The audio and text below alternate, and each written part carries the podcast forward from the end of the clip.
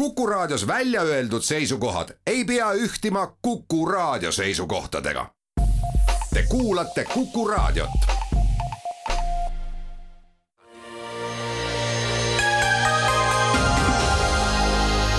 poliitikakuru, kui sina ei tegele poliitikaga, tegeleb poliitika sinuga. poliitikakuru. tervist, alustame saatega ja valimispäevani põhivalimispäevani on jäänud äh, napp kuu aega, äh, elektroonilise hääletamise alguseni nädal veel vähem, aga seekord on lugu selline, et eelhääletamise ja ka e-valimiste periood, see langeb täpselt kokku koolivaheajaga, äh, sestap siis tuletame saates soojenduseks kõigile neile, kes plaanivad minna koolivaheajal suusa või siis soojamaa reisidele, neile meelde, et valimine on ikkagi ka tähtis toiming ka puhkuse ajal. nii et et proovige ikkagi hääletada ja e-hääletamiseks on tarvis arvutit ja ja autentimiseks on tarvis siis ID-kaarti või mobiil-ID-d, nii et võtke need võimekused endaga siis suusamäele ikkagi kaasa ja tehke oma valik. aga tänases saates valmistuvad valimisteks Külli Taro. tere! Kaspar Oja. tervist! ja Tõnis Leht. ja alustame siis suusa, ütleme, juttude tuules, alustame sportlikult, küll mitte tali, talispordi teemadel, aga aga ROK ehk siis äh, Rahvusvaheline Olümpiakomitee on siin üsna värskelt öelnud välja, et, äh, et nemad sooviks tuua Venemaa ja, ja Valgevene sportlased äh, siis neutraalse lipu all tagasi rahvusvahelistele spordiareenidele, suurtele võistlustele. ja eks selle seisukoha nii-öelda väga läbinähtav tagamõte on lubada Vene ja Valgevene sportlased ka järgmisel suvel siis Pariisi olümpiamängudele ja kahtlemata see on tekitanud juba teravaid reaktsioone eh, mitmetes riikides, eeskätt. Muidugi Ukraina on seda väga hukka mõistnud, aga, aga ka teised Ukrainat toetavad riigid siin, Poola, eh, ka Balti riigid on, on seda juba erinevatel tasanditel kritiseerinud, aga alustame siis küsimusega, et mis eh, on spordirahvast ja ühiskonda laiemalt oluliselt erutab, et et kas Eesti peaks reageerima sellele Vene sportlaste võimalikule lubamisele olümpiale omakorda siis olümpiaboikotiga või vähemalt, kas peaks nii-öelda ähvardama selle boikotiga? mina olen seisukohal, et tegelikult mida juba mitmed äh, Eesti spordijuhid ja sportlased on väljendanud, et äh, me ei peaks täna rääkima boikotist, sellepärast et esimene eesmärk on see, et Vene ja Valgevene sportlased olümpiale ei pääse. et see boikott peaks olema nagu alles kuskil väga teisejärguline teema. et ma meenutan aasta tagasi, veebruaris olid Pekingi olümpiamängud, kus ka Vene sportlased ei võistelnud Venemaa lipu all, vaid olümpiakomitee lipu all. ja ma kardan, et siiski mitte kellelegi ei jäänud kahtlust, millist riiki nad esindavad ja, ja millist äh, rahvust ja, ja rahvast nad esindavad. meenutagem äh, kuulsusrikast olümpia jäähokifinaali Soome ja Venemaa vahel, mis tegi Putini väga kurvaks ja mis siis mõne päeva pärast järgnes ka täiemahuline invasioon Ukrainasse. või siis Kamila Valijeva juhtumit, dopingujuhtumit, kus tegelikult Vene väga kõrged ametnikud võtsid ju sõna selle vastu, et sportlasele tehakse liiga ühesõnaga, kui me räägime spordist, eriti tippspordist, eriti olümpiamängudest, ütleme siis sellistest suurtest rahvusvahelistest spordiüritustest, siis seal sportlased selgelt esindavad oma riiki, oma rahvust, võistlevad oma lipu all, isegi kui see on olümpiakomitee lipp. ja tippspordiprogrammid on riiklikud rahastatud programmid. kui ütleme veel eelmisel sajandil oli selline riiklik tippspordi rahastus pigem selliste autoritaarsete ja totalitaarsete riikide pärusmaa, ütleme, selline identiteedi osa, noh meenutagem, ma ei tea, Ida-Saksamaad või Jugoslaaviat, siis tegelikult ajal, alates sajandivahetusest on ka demokraatlikud riigid väga selgelt panustanud tippsporti. seal on küll see rahvaspordi laiapõhjalisem põhi on, eks ju, all, aga ühesõnaga, kuhu ma tahan jõuda, on see, et ma tõesti ei saa aru neist, kes ütlevad, et et me ei tohiks sporti ja poliitikat segada jah, olümpiadiviis küll ütleb, et me kõik seal oleme rahu nimel ja et nagu nii-öelda eemalduda poliitikast, aga, aga tegelikult need sportlased, kes lähevad tiitlivõistlustele, nad esindavad oma riiki, oma riigi maksumaksja raha eest. Ja noh, mina ka lühidalt arvan, et, et see on jäle, kui, kui, kui nagu Äh, Venemaa sportlased äh, osalevad seal äh, kõrvuti teistega, sellepärast et Venemaa on, on praegu agressor, viib läbi, ütleks, et terroristlikke operatsioone tsiviilisikute vastu ja noh, see selgelt Venemaa ei, nagu ei tohiks seal kuidagi osaleda see põhirõhk peab eh, jah olema sellele, et vene sportlased eh, seal ei osaleks. ja see ROK-i sõnum on võib-olla niisugune ta on, ta on natuke segane, sellepärast et, et iseenesest see, et lubada Vene sportlased kuidagi neutraalse lipu all olümpial ei tähenda seda, et nad sinna saaksid tingimata, sellepärast et nad peavad esiteks saama Venemaalt välja teiseks nad peavad saama Prantsusmaale kohale ja kolmandaks nad peavad kusagil olema ka, ka kvalifitseerunud. Äh, noh, see eeldab seda, et, et siis need teiste võistluste korraldajad lubavad neid oma riiki. Äh, osade sportlaste puhul on ilmselt tegemist inimestega, kellel on mitu kodakondsust, äh, kes saavad kergesti reisida, et noh, siin on olnud ju neid küsimusi ka näiteks kultuuriinimeste puhul, kellel on olnud topeltkodakondsus mõnes teises riigis. aga noh Äh, ilmselt äh, keskmise sportlase puhul see tõenäosus, et ta siiski sinna saaks, äh, nüüd nii väga suur ei ole, juhul kui needsamad reeglid jäävad kehtima, mis siiani on kehtinud venelaste suhtes. Ähm, kui seda natuke laiemalt vaadata, siis probleem on, on võib-olla siin olümpiakomitee jaoks selles ka, et, et suur osa maailmast ei saa aru ikkagi, milles see probleem on, et meie jaoks on Ukraina sõda väga lähedal. Äh, me oleme, me oleme demokraatlik riik, äh, aga noh, suur osa maailmast tegelikult ei ole demokraatlik ja suur osa maailmast ei, ei äh, mõista seda probleemi niimoodi nagu meie. isegi kui me vaatame Eestis nüüd seda viimase nädala niisugust kajastust, siis on ju ka noh, siin mõned Eesti sportlased äh, esitanud väiteid äh, stiilis, et äh, venelaste mittelubamine võib olla niisugune hoopis nagu diskrimineerimine või, või midagi sellist, et noh, mis, mis muidugi kõlab niimoodi naiivselt, aga noh, teisest küljest noh, ta kõlab ka sedasama agressorit õigustavana ja, ja ma arvan, et muidugi meie, meie ruumis on see sobimatu jah, ma saan aru, et nüüd on suuresti see otsustuspall lükatud alaliitude kaela, et siis oleneb sellest alaliidust, millised riigid seal alaliidus nii-öelda domineerivad või esil on, siis alaliitude kvalifitseerimisreeglitest sõltub, kas Venemaa ja Valgevene sportlased üldse siis saavad teoreetiliselt ka Pariisi olümpiale. aga tegelikult mulle nüüd meenus ühtlasi ka meie see nii-öelda jalgpallurite skandaal ja, ja seal tegelikult mina ikka olin äärmiselt hämmeldunud, kui ma lugesin Eesti nende siis äh, jalgpallurite ütleme siis seda avalikku pöördumist, et, äh, et kui nad siis said Venemaa jalgpallikoondise, ma saan aru, peatreeneriga kokku, et, et see oli selline täiesti normaalne õhtusöök ja, ja ma tsiteerin, meie vestlus käis vaid jalgpalli ümber, me ei rääkinud poliitikast ega sõjast. ma siin tahaks küll nagu öelda, et aga tegelikult oleks pidanud rääkima sest et kui me ei räägi, kui me nagu väldime seda teemat, et, et, et Venemaa tapab, vägistab naisi, lapsi, tsiviilisikuid ja me ütleme, et me ei rääkinud sellest, see, mul on nagu selle moraalse kompassiga nagu tõsiseid küsimusi ja Kaspar, sa viitasid, et äh, maailmas on palju riike, kes ei taju äh, sõda Ukraina vastu samamoodi nagu meie. see on kahtlemata tõsi ja nendel on ka oluline roll, eks ole, ROK-i organisatsioonis väga enamus Aafrika riike, paljud Aasia riigid, ka Ladina-Ameerikas ei näe kogu seda teemat üldse nii nagu meie või vaatavad sellele neutraalselt, ükskõikselt või siis ka neutraalselt kaldudes Venemaa nii-öelda argumente nii-öelda tõsisemaks pidama. noh, selles valguses on, on täiesti võimalik, et ROK ikkagi astub ka neid, astub ka selgemaid samme sellest praegusest olukorrast selgemaid samme selles suunas, et Vene sportlasi nii-öelda ühesemalt äh, olümpiale lubada, eks ROK-i juht äh, Bach on ju ka olnud varasemast, sest varasematest aegadest juba suhteliselt Vene-sõbraliku joone esindaja, et selles valguses on, on jah, Eesti-sugustel riikidel vaja moodustada koalitsioon, mis seda sõnumit, mida Külli sa rõhutasid, et juba algusest peale nii-öelda rõhutatakse, et viidaks kohale ROK-ile, et et Vene sportlased sinna pääsema ei peaks. ma arvan, et see koalitsioon ei saa olema maailmas enamus, see on ikka selgelt selline, peab olema äh, intensiivne ja aktiivne mõnikümmend riiki, mis sinna reaalselt sellesse kokku saab tulla, lääne, lääneriigid, Euroopa riigid eeskätt. et ja sellega peab poliitiliselt töötama, see on puhtalt poliitiline tegevus ja, ja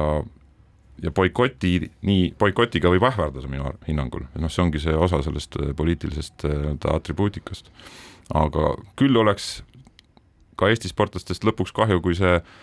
kui see Venemaa sportlaste pääs olümpiale õnnestuks ja, ja siis nii-öelda selline, siis sellist ühisrinnet ROK-i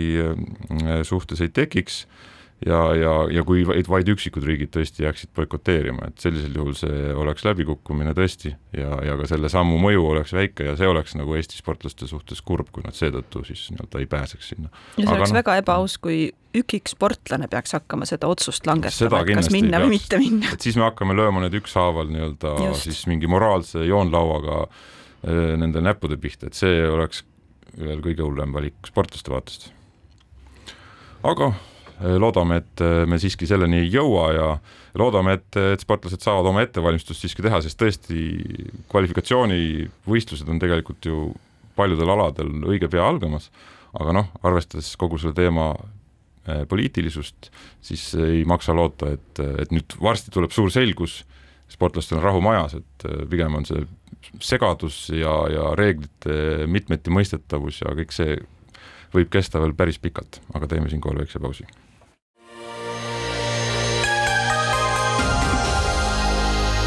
poliitikakuru, kui sina ei tegele poliitikaga, tegeleb poliitika sinuga. poliitikakuru. jätkame saatega stuudios Külli Taro, Kaspar Oja ja Tõnis Leht ja räägime nüüd ka valimiskampaania seisudest eh, paari erineva nurga alt. Eh, alustades er erakondade toetusest, eh, reitingutest, Norstati siis iganädalane uuring, nüüd ka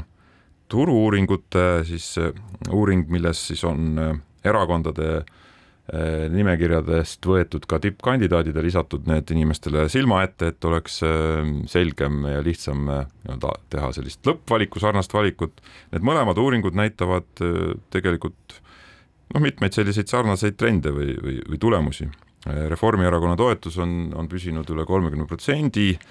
ja kõige olulisem nihe, mulle tundub, on ehk olnud äh, EKRE ja siis Keskerakonna toetuse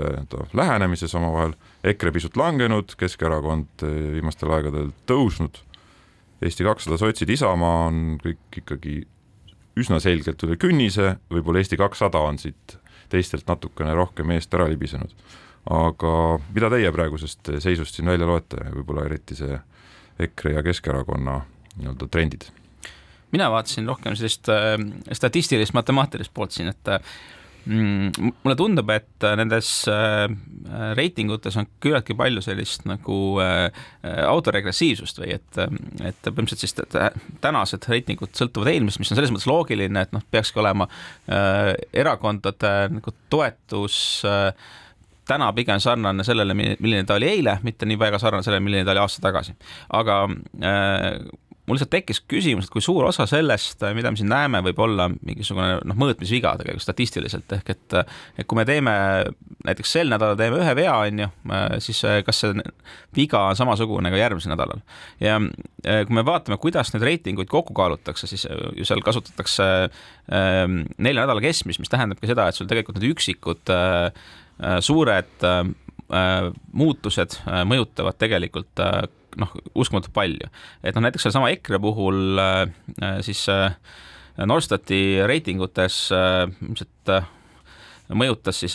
seitsmeteistkümnenda jaanuari kuni kahekümne kolmanda jaanuari nädala reiting, mis oli, oli küllaltki madal. ja see noh, mõjutab veel tükk aega nende siis niisugust nelja nädala keskmist. noh, samuti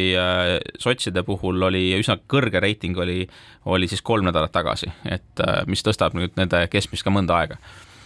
noh, lisaks on eraldi küsimus, et kas siin võib olla äh, mingisugust seost siis nende lainete äh, valimitel, et võib-olla seal on mingi osa inimesi, kes osaliselt rulluvad ja seetõttu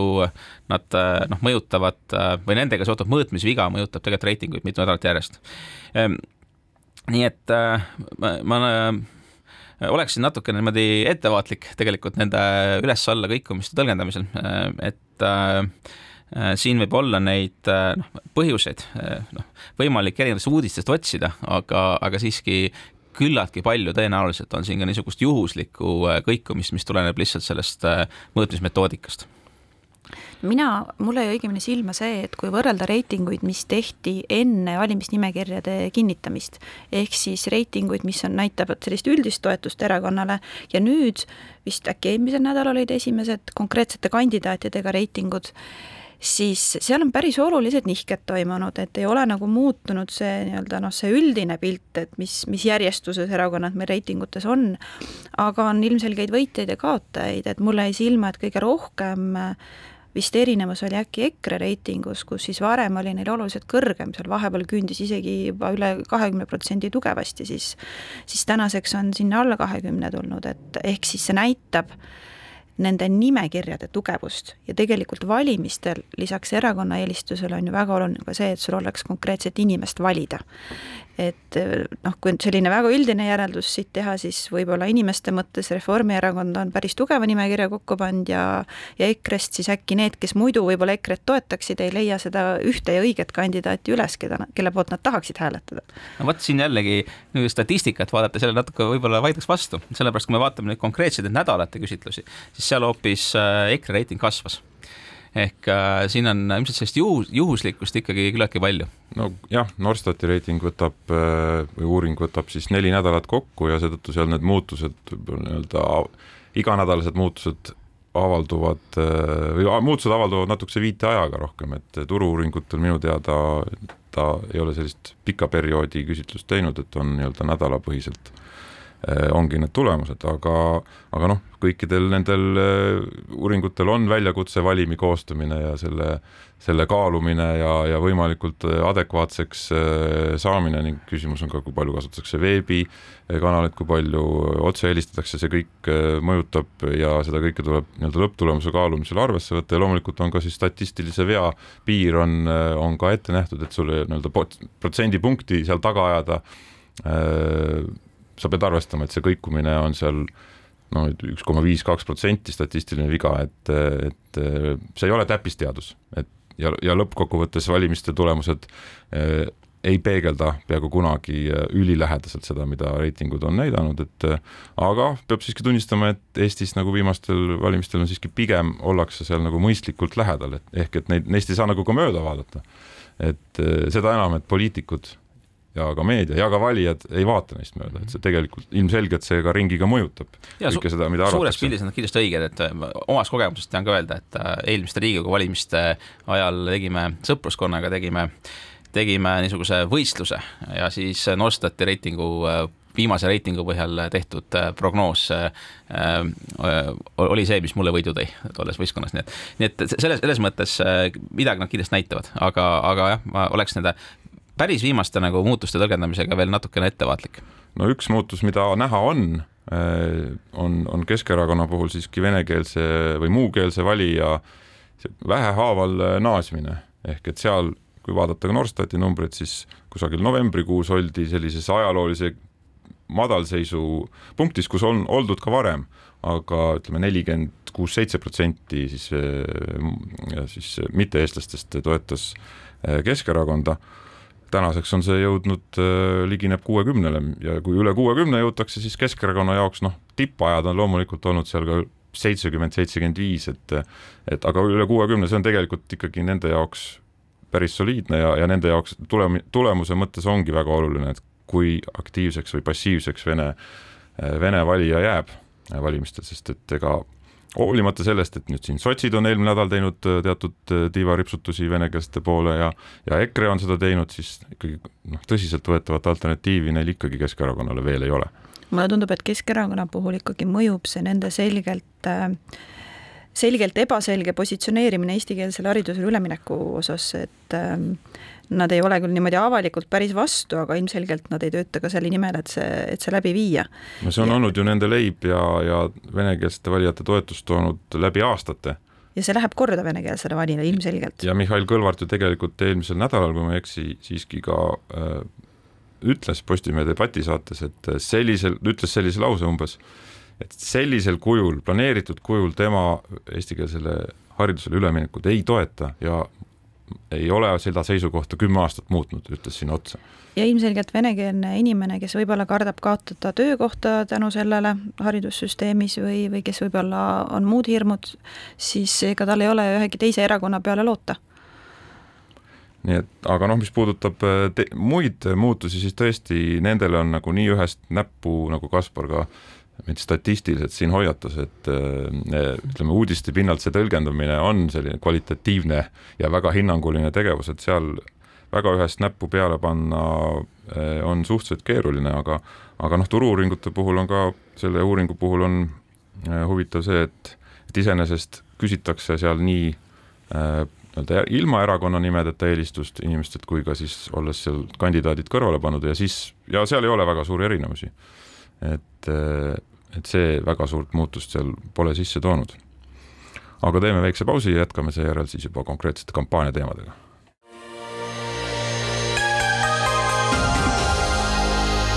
poliitikakuru, kui sina ei tegele poliitikaga, tegeleb poliitika sinuga. poliitikakuru.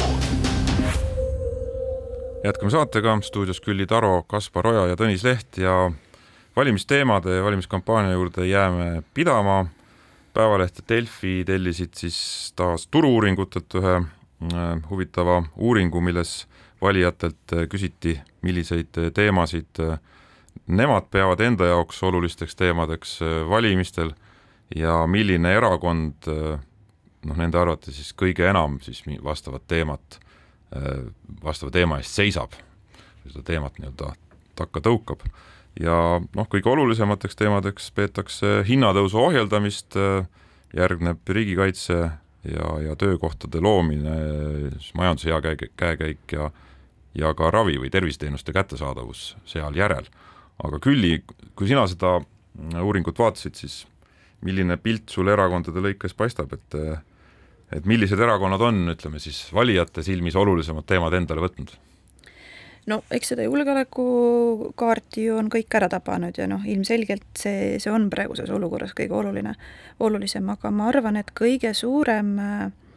lahknevus inimeste tegelike murede ja erakondade poolt pakutavate programmide vahel on tervisevaldkonnas. ja täna oli tegelikult ju ka järelartikkel sellele eilsele Päevalehe artiklile, mis tõesti väga huvitav uuring, et kuidas Tallinnas inimestel on tervisevaldkond kõige olulisem, sest tõesti, ma arvan, et kui meil täna ei oleks Ukraina sõda, ja siis me räägiksime palju rohkem sellest, et kohe tuleb midagi ette võtta selles osas, kui kiirabiautod seisavad erakorraliste meditsiiniosakondade ukse taga. et noh, need lahendused, mis ma olen praegu meedia kaudu kuulnud, natukene triaaži õdesid, õdedele raha juurde ja nii edasi, et ma kardan, et noh, need ei, need ei lahenda tõsiseid probleeme ja kahetsusväärsel kombel olen ma ka ise pidanud viimase aasta jooksul Eesti meditsiinisüsteemiga väga palju kokku puutuma ja Eh, sa pead olema ikka väga terve inimene või sul peab olema väga palju raha, et, et, et saada nagu hakkama selles süsteemis, et noh, alates sellest, et et tõepoolest ma olen korduvalt pidanud arstidele ütlema, et mul ei ole vaja eh, töövõimetuslehte, vaid mul on vaja töövõimet. Et kui käid eriarsti juures, siis esimene asi, mis sulle pakutakse, on töövõimetusleht, et minu näide oli siis see, et ma murdsin jalaluu ja kõigepealt taheti panna valesti kipsi, mul on küll doktorikraad, aga mitte meditsiinidoktorikraad ja kui ma palusin siiski lugupeetud arstitohtritel korra veel mõelda, et äkki ikkagi paneks õige asja kipsi, siis pandi õige asi kipsi. ja kui ma siis läksin hiljem arsti juurde, siis äh, taastusravi asemel taheti mulle ikka kogu aeg seda töövõimetust lehte pakkuda, siis ma üritasin seletada, et ma teen tööd peaga, mitte jalgadega aga ütleme, et see lihtsalt nagu peegeldab seda, et meil on hästi suured äh, töövõimetuslehtede kulud ja, ja see ravipool nagu ei tule järgi. ja teine pool on minu arust meditsiinis inimväärikuse teema. et ähm, sattusin jälle hiljuti äh, Ida-Tallinna Keskhaiglasse ja heitsin pilgu peale erakorralise meditsiini osakonnale, neil on tehtud just värske remont, on avatud uued ravikompleksid ja erakorralise meditsiini osakond on endiselt selline, mis on selline pisike ruum, kui sa sinna sisened, sa lähed sinna kla-, klaasi taga oleva inimese juurde ja pead hakkama siis kogu ülejäänud saali ees oma tervisemuret kirjeldama. mis nagu paneb inimesed nagu väga õudsesse olukorda, et noh, kujuta ette, sa lähed sinna ja pead hakkama oma kõige delikaatsemaid teemasid kõikide võõraste inimeste ees, kes seal saalis istuvad, kirjeldama. et nagu see meditsiiniprobleemid algavad suhtumisest, et ainult raha juurdepanemine, mida me siit programmidest leiame, ei aita paraku no sind kuulates ilmselgelt see teema äh, resoneerib mitte ainult sinule, vaid ma usun tõepoolest see äh, uuring äh, ei peta, et ta läheb paljudele korda ja seekord olles nüüd kahlanud siin aegade jooksul ühte ja teistpidi läbi nende valimisprogrammide, siis ja ka jälgides nii-öelda neid valimisklippe rohkem ja, ja mida esile tõstetakse, siis see eh, tervise või tervishoiu kättesaadavuse teema ei ole nii esil, kui ta oli eelmistel valimistel, olles ka nüüd eelmiste valimiste temaatika suhteliselt värskelt üle vaadanud, siis eh, näiteks ravijärjekordade lühendamist eh, lubasid ikkagi praktiliselt absoluutselt kõik erakonnad kusjuures nad lubavad täna ka, ma üks lubas ka ravijärjekorrad kaotada, see oli siis EKRE. ma spetsiaalselt vaatasin programmid üle, et tervise teema on sees, aga ta on sees sellise äärmiselt üldiste lubadustena, et noh, üks pool on see esmatasandi valvekeskuste loomine, minu arust see oleks pidanud olema ammu tehtud, aga aga see ei lahenda eriarstiabi ja EMO-de probleemi. või noh, ütleme, ta leevendab EMO-d, aga kui sul on ikkagi tõsine probleem, siis, siis esmatasand seal ei aita. ja aga noh, väga vähe on kasu valimislubadustest, mis ütleme, et me lühendame ravijärjekordi ja tagame optimaalse raviteekonnaga, mitte keegi ei seleta, kuidas seda teha, tahetakse teha. ja üsna kurioossel kombel ma kardan, et Keskerakond on kogemata selle tegeliku tõe välja öelnud, sest nemad oma programmis äh, ütlevad äh, noh, põhimõtteliselt nagu järjestikku välja, et nad suunavad küll lisaraha, et vähend-, vähendada ravi, ravijärjekordi, aga peab, peavad oluliseks eratervishoiu arengut, sest noh, täna meil ei ole nagu muud varianti, kui eratervishoid peab seda nõudlust vähendama, ehk siis me maksame makse, aga kui sa päriselt tahad abi saada, siis lähed eratervishoidu no see, see on muidugi üks teema, mida peaks äh, tõesti pikemalt arutama ja ma arvan, et see eratervishoiu peale minek ei ole tingimata just kõige parem lahendus, et, et kui me vaatame teiste riikide kogemust, siis sellel on, ähm, on ka nagu väga suuri miinuseid. aga tulles nüüd nende teemade juurde, siis äh, noh, kõige olulisemaks äh, peavad inimesed äh, hinnatõusu ohjeldamist ja üllataval kombel tegelikult äh, siis ei nähta väga seda, et programmides selle kohta väga palju oleks või et mõni, mõni erakond sellega väga tugevalt tegeleks, kuigi iseenesest ju minu meelest erakondade sõnumites on seda küll sees ja, ja noh, võib-olla ka tegudes, aga mingil põhjusel ei ole see teema äh, just nagu ka nagu erakondade enda poolt äh, eriti äh, pildis või, või ei suudeta mingisuguseid tegusid seostada piisavalt hästi konkreetse erakonnaga? no mulle siiski tundub, et need hinnatõusu ohjeldamise lubadused mõnel erakonnal on ikka väga tugevalt esil, eks, ja valijateni jõuavad ikkagi eeskätt need, mida, need lubadused, mida erakonnad ise kõige rohkem suruvad, mis on siis valimis klippides tele, televisioonis, sotsiaalmeedias äh,, igasugu bänneritel, tänavatel ja noh, seal on noh, EKRE on seda kõige ühe jõulisemana siiski äh, ütleme, hindade langetamist erinevate meetoditega rõhutanud ja ega siis Keskerakond ei ole sealt ka kaugelt maas, et et need minu meelest on need teemad küll tugevalt esil. no aga kui me vaatame näiteks seda äh, noh, et äh, selle esimese kolme seas näiteks ei ole Isamaad, kes on hästi äh, palju rääkinud oma sellest energiaturu reformist, noh, tegelikult nad tegid ju selle ka ära äh,, siis noh, see, see on minu, minu arust natukene üllatav, et tegelikult nende kõige suuremad nii-öelda saavutustega ei, ei, ei seostata üldse erakonda. Et üks võib-olla tõlgendus, mis seal võib olla, on see, et, et et need äh, järeldused selle kohta, et missugune erakond äh, ühe äh, niisuguse siis lubaduse taga on, on pigem seotud sellega, et kes millist erakonda toetab ja lihtsalt siis nüüd teiste erakondade lubadusi ei teatagi. et ähm, noh, kui me vaatame äh, seda küsitlust erakondade lõikes, siis sealt hakkab silma, et, et Reformierakond, kellel on kõige suurem toetus, on, on noh, tuntud selle poolest, et ta peaaegu siis igas teemas eh, on, on üks nagu parimaid eksperte, aga siis need väiksema eh, toetusega erakonnad tegelikult ei satu selles eh, küsitluses eriti kaugele. Ja siin on küsitud, mida inimesed arvavad, milline erakond seda teemat kõige nii-öelda jõulisemalt siis esindab või, või, või, või tõukab, noh et eks see ongi niisugune, eks seal tekib niisugune segatud äh, tõlgendus, et kes siis minu arvates, minu jaoks seda kuidagi kõige paremini esindab või siis ikkagi noh, kes siis nagu kõige kõvemini sel teemal üldiselt räägib, et isegi ka need erakonnad, keda mina näiteks ei toeta võib-olla. et eks seal läheb ta natukene inimeste jaoks ikka selliseks äh, tõlgendamise küsimuseks, aga, aga noh, EKRE puhul on näiteks selge, et nende, nemad juhivad siis hinnatõusu ohjeldamise teemat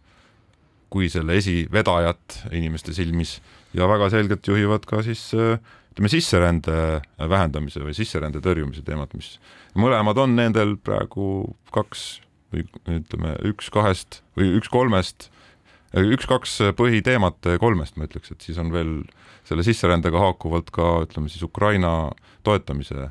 teema, mis on EKRE-l väga tugevalt esil, et ja, ja need ja inimesed on selle ära registreerinud, iseküsimus, kuidas see nüüd transformeerub toetuseks jah, ei, see, see on huvitav, et noh, seesama see sisserände näide, mille sa tood, et et kui vaadata selle reitingut siis keskmiselt ja siis Reformierakonna puhul, siis siis noh, nähakse, et tegelikult Reformierakond on selles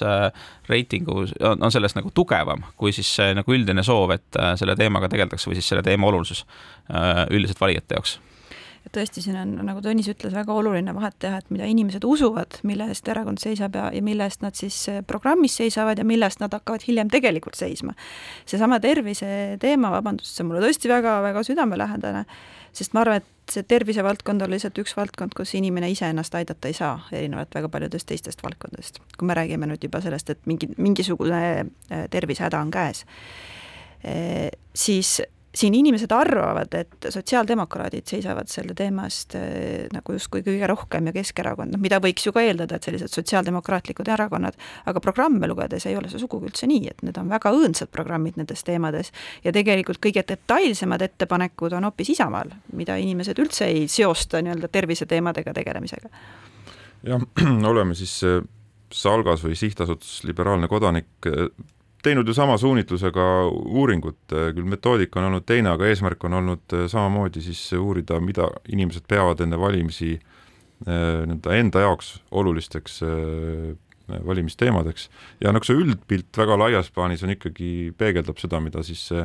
Päevalehe tellitud uuring ka näitab, et ikkagi need toimetuleku teemad, noh, erinevates sõnastustes, aga nad on kõige suurema ja kõige, kõige olulisemaks peetavad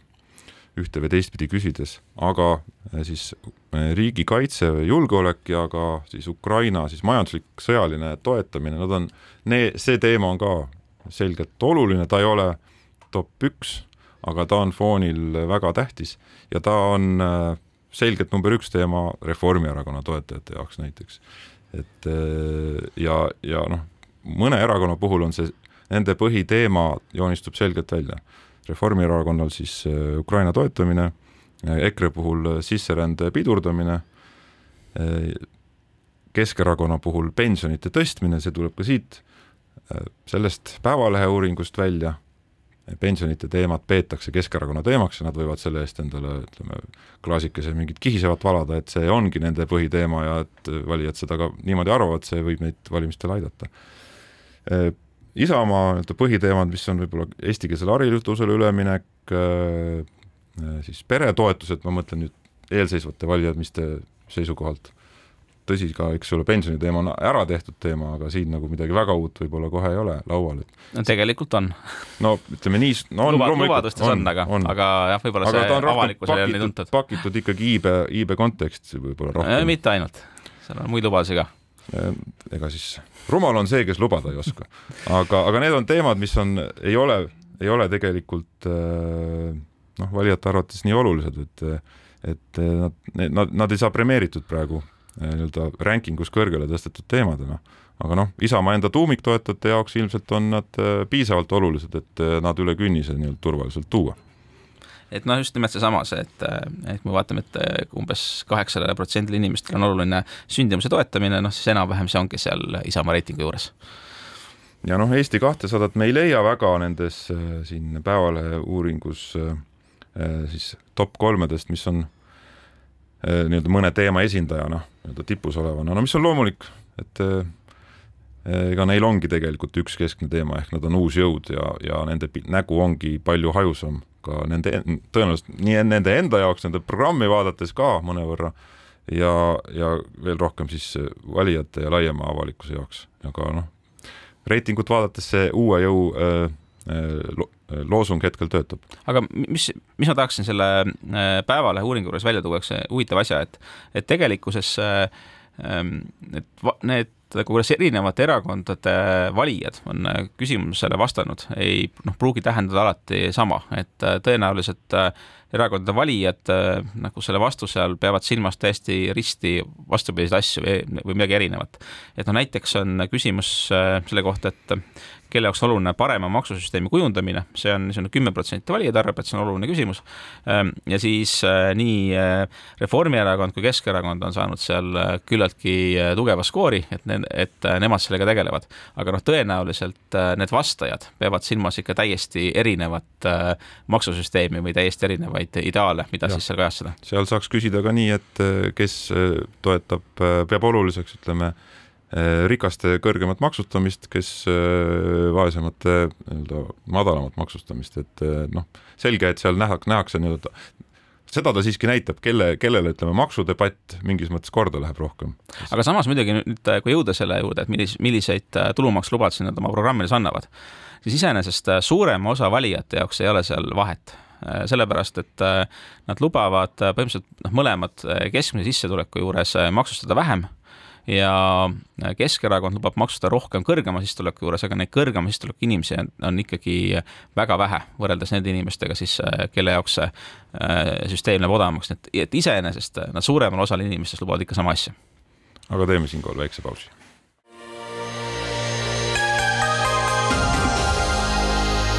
Poliitikakuru, kui sina ei tegele poliitikaga, tegeleb poliitika sinuga. poliitikakuru jätkame saatega stuudios Külli Taro, Kaspar Oja ja Tõnis Leht ja eh, jätkame nüüd vahelduseks Nursipalu teemadega, et valimiskampaania foonil on, on see teema endiselt teravalt üleval. Eh, nii osana valimiskampaaniast tundub üha enam, aga, aga ka osana sellisest loomulikust protsessist, et seda julgeoleku teemat lahendada. sel teemal on, sel nädalal on see olnud debattides suur terav teema Äh, võrumaalastega on käinud kohtumas äh, peaminister, on avaldatud Võrumaa apell selle Nursipalu harjutusväljaku laiendamise vastu, on arutatud selle üle erinevaid mõtteid valitsuskoalitsioonist, äh, erinevatelt ministritelt, et milliseid võimalikke seadusmuudatusi meil on tarvis selleks, et, et seda protsessi planeeringut edasi viia ja, ja millist planeeringut üldse siis kasutada ja kuidas seda kõike teha, et ja kirgi äh, Võrumaal ja, ja Kagu-Eestis laiemalt, äh, tundub, et äh, selle teema ümber ikka tuleb pigem järjest juurde, kui et, et jääb vähemaks, et Külli, kuidas sulle tundub, et kuhu me nagu selle protsessiga siin valimiste eel nüüd jõudnud oleme ja kas on lootust kuhugi ka välja jõuda?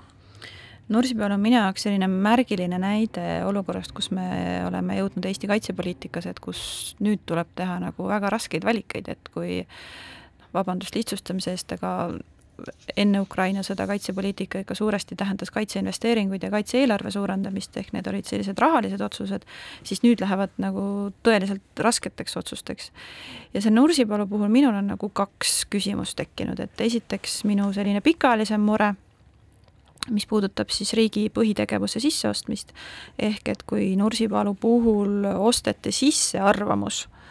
väljastpoolt, et millist menetlusprotseduuri äh, kasutada, siis mul tekib küll küsimus, et miks riik ei suuda nagu ise oma neid põhitegevuse äh, funktsioone täita, sest kui me ostame sellised juriidilised arvamused sisse, see tähendab, et meil endal ei ole riigis sees selget võimekust, aga samas see võimekus peab meil olema kogu aeg olemas, mitte lihtsalt nagu sisseostmise põhiselt. Ja, ja teine teema on see planeerimismenetluse ja avatud valitsemise teema, et ma saan aru, et otsus, et Nursipalu laiendus on vajalik, on tehtud sisuliselt juba ammu. Ja siis ma kuulen, et on viie variandi vahelt juba üks välja valitud. Ja alles nüüd hakatakse tegelema küsimusega, et millist menetlusviisi planeerimismenetluses kasutada. aga planeerimismenetluse mõte ongi tegelikult ju see, et, et hakatakse otsima parimat lahendust, kogu see kaasamisprotsess ja nii edasi, et minu jaoks on see natuke nagu äraspidi. ja üsna sellisel ähm, äh, kummalisel kombel just praegu on Eesti maailma avatud valitsemise partnerluse initsiatiivi juhtiv kaaseesistuja ja selle aasta sügisel toimub Eestis väga suur avatud valitsemise rahvusvaheline üritus. ma kardan, et me ise nagu ei ole alati need kõige paremad eeskujud avatud valitsemise mõttes. aga Külli, võib-olla mul tekib küsimus, et eh, kas nüüd see Ukraina sõda eh, ei ole olnud oluline põhjus, miks antud teemas kogu see planeerimise ja inimeste informeerimise protsess on kuidagi eh, kiiva läinud, et et on tulnud teha asja, seda asja, protsessi arendada palju kiiremini kui võib-olla tavapärane rahulik ja väga palju aastaid võttev siis Eesti planeerimisprotsess, nagu noh, tavaliselt käib see nii, nagu sellega tavaliselt ollakse harjunud, et see tuli nüüd järsult muuta, tuli järsult kiirendada ja see on keeranud kõik, kõik pea peale no esiteks Ukrainas sõda on juba mõnda aega toimunud, et see ei ole juhtunud, eks ju, nüüd. ja teiseks äh, äh, see noh, ja loomulikult me võime öelda, et meil on eriline olukord, aga samas äh, ütleme, see protsess käib nagu äraspidi ja mis juhtub, kui protsess käib äraspidi, ongi see, et me tegeleme praegu nende tagajärgedega, et me kõigepealt tekitame pahameele, kõigepealt on teadmatus ja, ja siis me hakkame nende tagajärgedega tekitama, et noh, jällegi see on selline natuke idealistlik vaade võib-olla, aga aga planeerimismenetlus on üks selline oluline demokraatlik protsess, inimeste kaasamise protsess, et leida parim lahendus, aga praegu mulle tundub, et justkui lahendus on juba otsustatud ja siis me hakkame menetlema ma arvan, et siin kuidagi on see, see, mida Külli algus ütles, on, on see nagu sümptom, et äh, me olemegi väga õhukene riigina ja meil ei ole võib-olla noh, riigiasutustes kõiki neid äh, võimekusi, neid äh,, neid protsesse niimoodi esialgu läbi mõelda ja, ja seetõttu me võime tormata võib-olla vales suunas et noh, siin on palju kriitikat olnud no, äh, sel teemal, et kas oleks pidanud äh, noh, nende inimestega, keda see otse puudutab, äh, kuidagi varem suhtlema, selgitama neid võimalusi, lahendusi nende siis ehm, kodu kompenseerimiseks, ehm, et ei läheks ringlema mingisugused müüdid selle kohta, kuidas kõik kuidagi, kuidagi ära võetakse või, või ei taheta kompensatsiooni maksta. et see on üks pool, kõik see, et nüüd, kus äh, äh, see kaitsepoliitika on läinud, muutunud olulisemaks, ei ole küsimus ainult selles, et kui palju raha me sinna anname, vaid tegelikult me ilmselt hakkame ka oma tavalises tänavapildis seda kõike rohkem nägema. et kui meil ikkagi läheb üle kolme protsendi SKP-st tulevikus kaitsele, noh siis tõenäoliselt on sinna vaja rohkem inimesi ja, ja see noh, hakkab omakorda majandust mõjutama. et võib-olla me ole, ei ole nende, nende nagu kõrvalmõjude peale veel ühiskonnas äh, kuigi palju mõelnud. et noh, ka näiteks noh, üks teema, millele võib-olla on mõeldud viimastel aastatel, on, on näiteks igasuguste reservõppekogunemiste korraldamine ja noh, see kindlasti mõjutab ka paljusid ettevõtteid. Ähm, see on äh, praegu äh, kenasti alla neelatud ja, ja noh, saad aru, et see on riigikaitseks vajalik, aga noh, kui seda on vaja veel rohkem, siis äh, ilmselt neid äh, rahulolematuid äh, tuleb ka juurde. nüüd eraldi teema minu meelest Nursipalu juures on, on kogu see not in my backyard ehk et või isegi ma ütleks, et not in my backyard, vaid siis et nii-öelda banana ehk et ehita mitte midagi mitte kuhugi, mitte kellegi juurde. noh, kuna siin selles, selles teemas ei ole selle ehituse vastu nii väga mitte ainult nüüd need kohalikud inimesed, keda see mõjutab, vaid seda on ära kasutamas ka erinevad teised äh, huvigrupid, äh, kes äh, pääsevad sellega pilti ja noh, võib-olla siis noh, enne valimisi üritavad saada ka endale suuremat kõlapinda. Ehm, noh, see on kahjuks niisugune olukord, mis kaasneb Eestis kõige suurte planeeringutega, et et leidub mingisuguseid äh, küllaltki äh, kõnekaid gruppe, äh, kes on sellele vastu. Nad ei pruugi isegi olla selle, selle teemaga nii tugevalt seotud aga nad puhuvad selle asja suuremaks ja siis me istumegi tükk aega saamata midagi liigutada või edasi arendada, et noh, näiteks paralleeliks Eesti tuuleenergia toodang, mis on siin püsinud viimased kümme aastat suhteliselt paigal, sellepärast et ei ole olnud võimalik ehitada uusi tuuleparke. jah, noh, seda kogu protsessi ei ole hästi aetud, oleks saanud paremini ajada, vastu äh, nii-öelda seis on sellistel teemadel täiesti vältimatu ja ka pinged ja ja kired on mingis ulatuses äh, sellise projekti puhul alati vältimatud küsimus, et kui palju need ise on vaja nagu võimendada kehvasti äh, korraldatud protsessiga, et seda protsessi oleks kindlasti saanud paremini teha, noh, seda iseloomustab ikkagi natuke ka see, et et keset seda planeeringute protsessi, mis on nii-öelda valikuprotsessi, me arutame ka selle üle, et tuleks kiiresti ka seadust muuta, et siiski see protsess nüüd luua üldse. Selle otsuse osas, mis tegelikult on sisuliselt ju noh, ikkagi ammu tehtud, et, et meil tekiks ka siis nüüd see protsess, mille abil me saaksime, see seaduslik protseduur, mille abil me siis saaksimegi selle seaduslikult ja kiiresti teha, et ega ta noh, väga head muljet ei jäta ja seda saab nagu kriitikaks hästi ära kasutada ja noh, seda teevad ilmselgelt valimiskontekstis noh, kõige rohkem on seda kasutanud EKRE ära, kõige negatiivsem mõju sellel äh, on Reformierakonnale seal Kagu-Eesti piirkonnas vähemalt, et noh, igasugune loogika ütleb, et et Kagu-Eesti äh, valimisringkonnast võiks eeldada, et et äh, noh, EKRE saab sellel teemal võimendust, nende positsioon seal on ju niigi juba tugev, et et Reformierakonna ja noh, valitsuse laiemalt huvi pigem praegu oleks see teema nendel järelejäänud nädalate jooksul külmutada või jahutada nii palju kui võimalik, et, et et, et ja siis peab siis muidugi juba järgmine valitsus sellega tegelema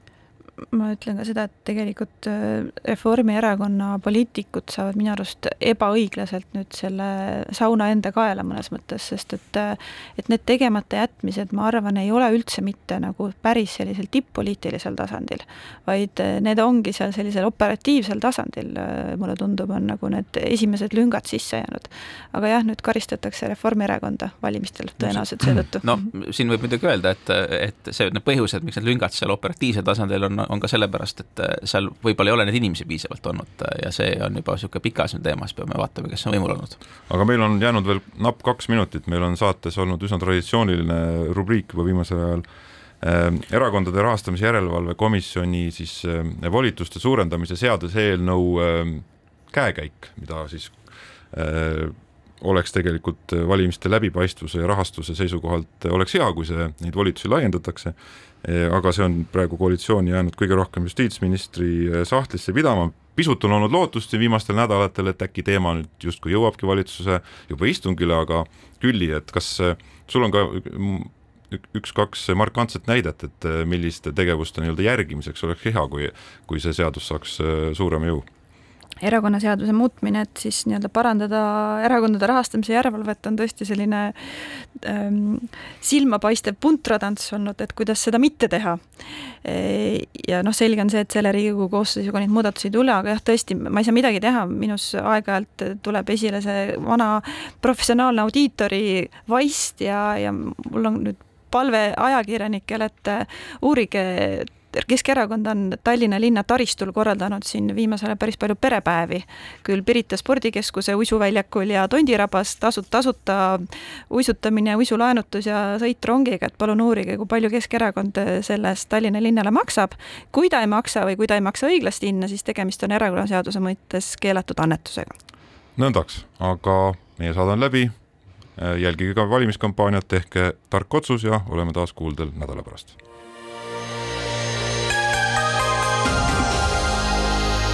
poliitikakuru, kui sina ei tegele poliitikaga, tegeleb poliitika sinuga. poliitikakuru